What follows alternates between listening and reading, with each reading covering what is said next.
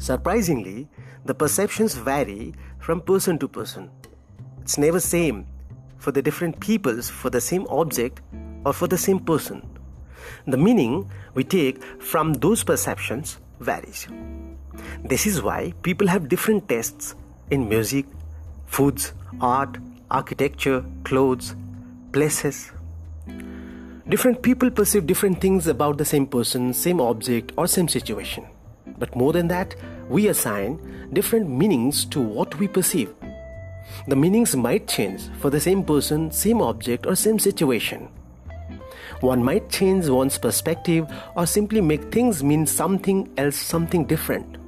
Two people with identically tested seeing and hearing will still have different tests in what they like to see, what they like to hear. The way we perceive the world around us varies and is as unique as our individual personalities. Even though we might look at the same picture, what we interpret will vary depending on a number of factors, including what we expect to see. Perception can be caused by internal and external factors. Internal factors are the things inside your body, inside your mind, and the external factors are the factors that are present in the environment in which you live. All perceptions involve signals in the form of data or information that are taken through the help of five sensory organs in the nervous system, which in turn result from the physical or chemical stimulation of the sense organs in interaction with the external world. It's not the passive receipt of the signals, but is shaped by learning, memory, expectation, and attention. So now we can generalize the idea of perception now. We are discussing perception. Perception is the organization, identification, and interpretation of the sensory information or the sensory data that we gather, that we collect through the help of five sense organs in order to represent and understand the environment in which we live. There are three stages of perception process.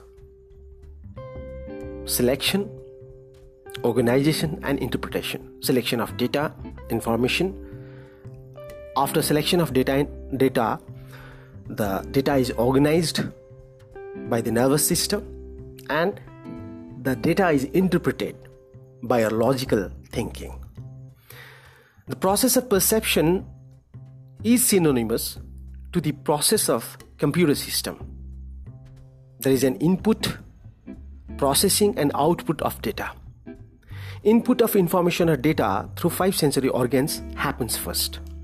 This stage is called cognition. Cognition precedes the knowledge formation stage.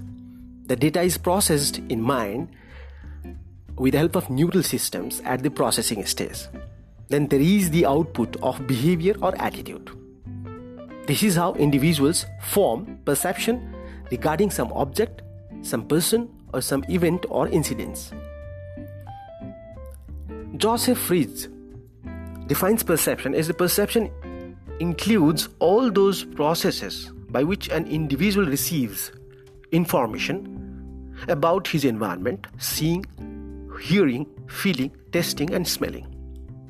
B.V.H. Gilmer defines perception as the perception is the process of becoming aware of situations, of adding meaningful associations to sensations.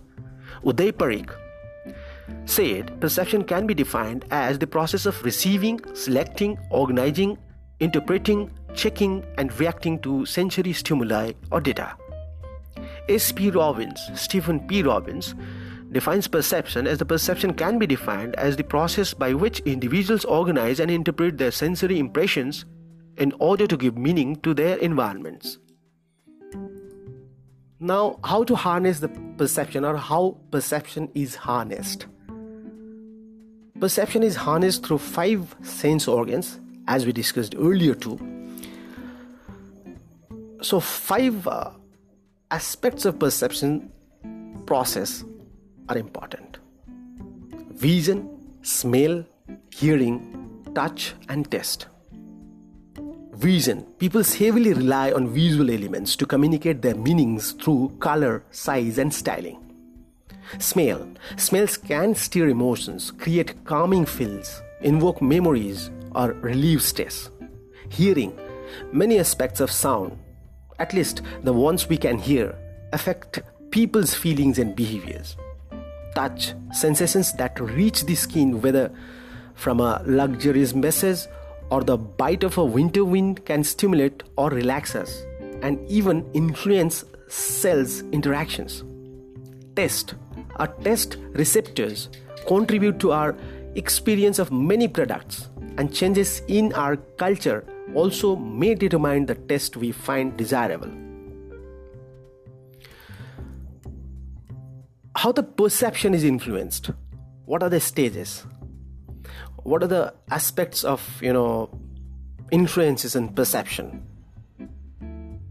the first and foremost is physiology then comes age then comes expectations then the culture the value system then social location geographical location then roles physiology age expectations culture social location and roles influence the perception formation. Through the perceptual process, we gain information about the properties and elements of the environment that are critical to our survival. That's why perception helps even in survival. Perception not only creates our experience of the world around us, it allows us to act within our environment. Perception is very important in understanding human behavior because every perception, every person perceives the world and approaches uh, you know life problems differently. Whatever we see or feel is not necessarily the same as it really is. When we buy something it's not because it's the best but because we take it to be the best. If people behave on the basis of their perception we can predict their behavior in the changed circumstances by understanding the present perception of the environment one person may be viewing the facts in one way which may be different from the facts as seen by the another way with the help of perception, the needs of various people can be determined because people's perception is influenced by their needs. So, uh, you know, factors that affect the perception uh, what are the internal factors? Attitudes, personality, motives, interests, past experiences, expectations. These are the internal factors that affect the perception formation. Then, what are the external factors? motion, sounds, size, background, proximity, similarity, all these are the factors which are lying in the external world which affect the perception formation. Now, lastly, we'll be discussing about the errors in perception that might be sometimes, you know, uh, negative, sometimes dangerous, and sometimes, you know, uh, awkward. So, perceptions might not always be true in that sense. This needs some correction. Illusion, hallucination, selective perception, halo effect, stereotyping, similarity, horn effect, contrast. These are the errors in perception that are present in our everyday activities, everyday behaviors, and uh, in social interactions as well as in workplace interactions. The illusion is a false perception here, the person will mistake a stimulus and perceive it wrongly. For example, in the dark, a rope is mistaken as a snake or vice versa. The voice of an unknown person is mistaken as a friend's voice. Hallucination. Sometimes we come across instances where the individual perceives some stimulus even when it is not present. This phenomenon is known as hallucination. The person may see an object or person, person etc., or he may listen to some voice though there are no objects and sounds in reality as such. Selective perception is another kind of errors in uh, you know perception. Selective perception means the situation when peoples selectively interpret what they see on the basis of their interests, their needs, their background, their experiences, and their attitudes. It means any characteristics that make a person or object or event stand out will increase the probability that it will be perceived. Halo effect, mostly found in workplaces. And because of this perception error, lots of organizational politics takes place.